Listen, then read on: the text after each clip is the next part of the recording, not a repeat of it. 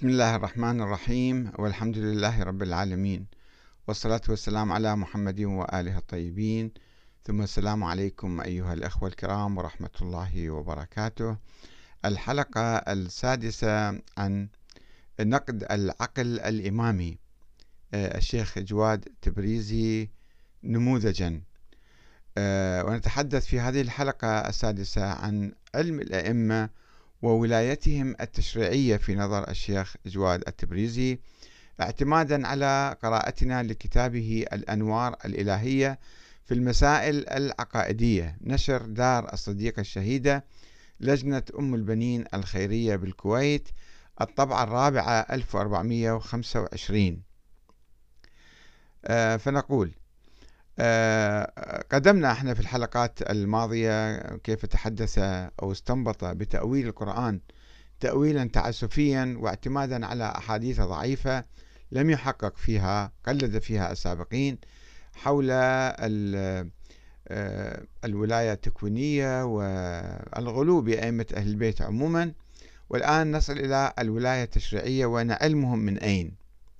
وبعد أن يقول التبريزي الشيخ جواد التبريزي المرجع السابق آه، تلميذ السيد الخوئي وأستاذ كثير من العلماء المعاصرين.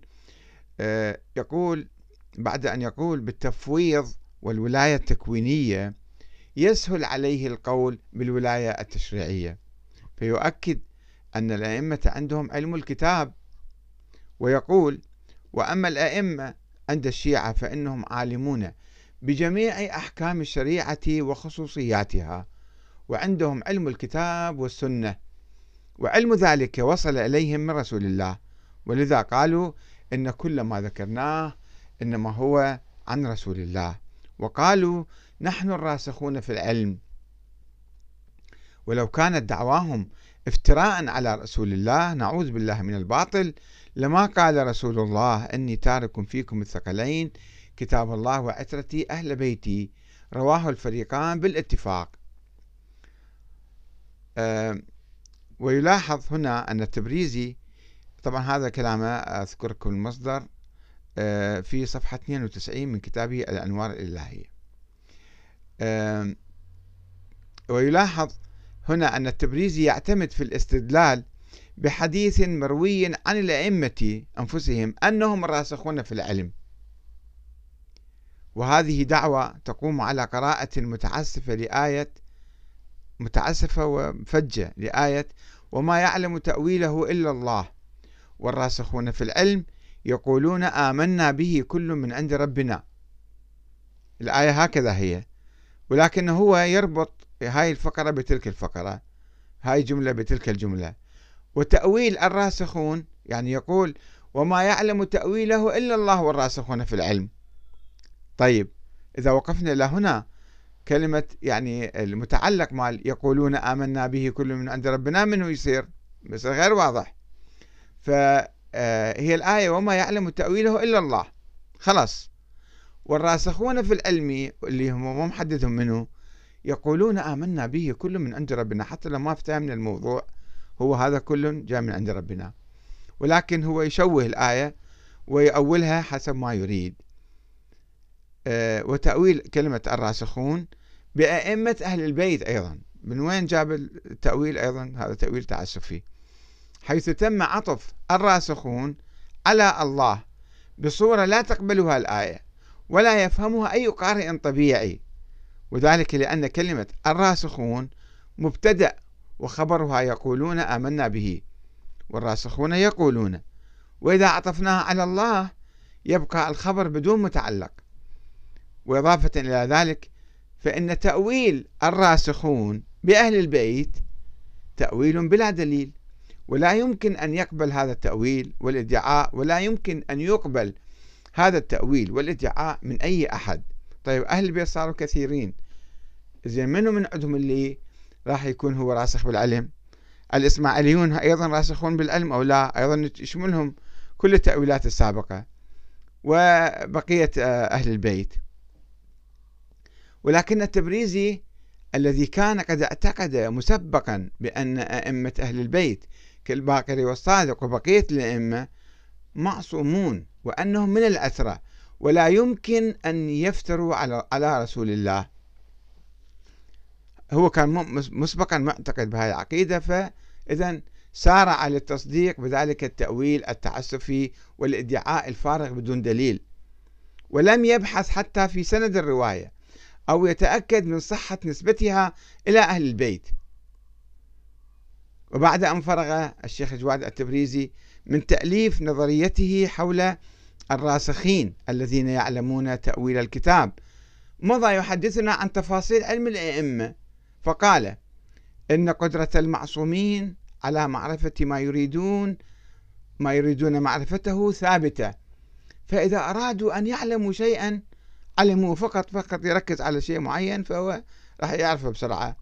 أما كيف يتم لهم علم ذلك؟ وهل بتوجيه المعصوم نفسه الشريفة نحو المجهول فتحصل له المعرفة؟ أم يتم بواسطة روح القدس ينزل عليهم الذي هو معهم أصلا ما يحتاج ينزل دائما معهم. أم بحديث الملائكة ملائكة تجي تحدثهم صاروا أنبياء إذن. أم بالإلهام إلى آخره يقول فنحن غير مكلفين بمعرفة تفاصيله وطرقه. يعني هو يحتمل كل ذلك ولكن يكون يقول نحن لسنا مكلفين بمعرفته ومعرفة تفاصيله وطرقه. هذا في صفحة 166 من كتابه الأنوار الإلهية. ويضيف التبريزي للأئمة مقامان. أحدهما مقام بيان الأحكام الشرعية الآخر مقام الولاية على الناس فيجب طاعتهم في هذا القسم الولاية التشريعية يعني. وهكذا أصبح الأئمة من أهل البيت حسب العقيدة الإمامية هم المصدر الأول والأساس لفهم القرآن وتأويله وتفسيره والهيمنة عليه.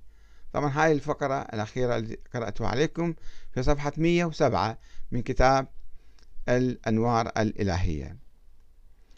وخلينا نجي شوية بعمق ننظر إلى الشيخ جواد التبريزي لكي نعرف أنه هل كان أصوليا مجتهدا محققا أم كان أخباريا حشويا يعتمد على أي حديث يراه أمامه.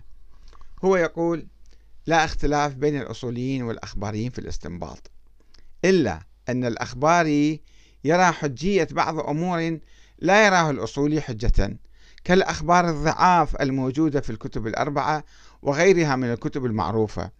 كما أن الأصولي يرى حجية بعض أمور لا يراه الأخباري حجة كالأحكام العقلية القطعية وبعض الإجماعات من متقدمي الفقهاء الذين يقرب عصرهم من عصر الأئمة ويتمسك بظاهر آيات الكتاب المجيد فيما إذا لم يكن للآية مقيد أو قرينة. والأخباري لا يجوز ذلك ولا يتمسك بالآيات القرآنية قبل ورود التفسير من الأئمة ولو كانت الآية ظاهرة في المعنى ما يأخذ بها ولم يكن لها مقيد أو قرينة. وعلى الجملة ليس بين الأصوليين والأخباريين اختلاف في الأصول الاعتقادية لأن هو هو الشيخ التبريزي هو يتبع نهج الأخباريين في الأخذ بالأخبار الضعيفة.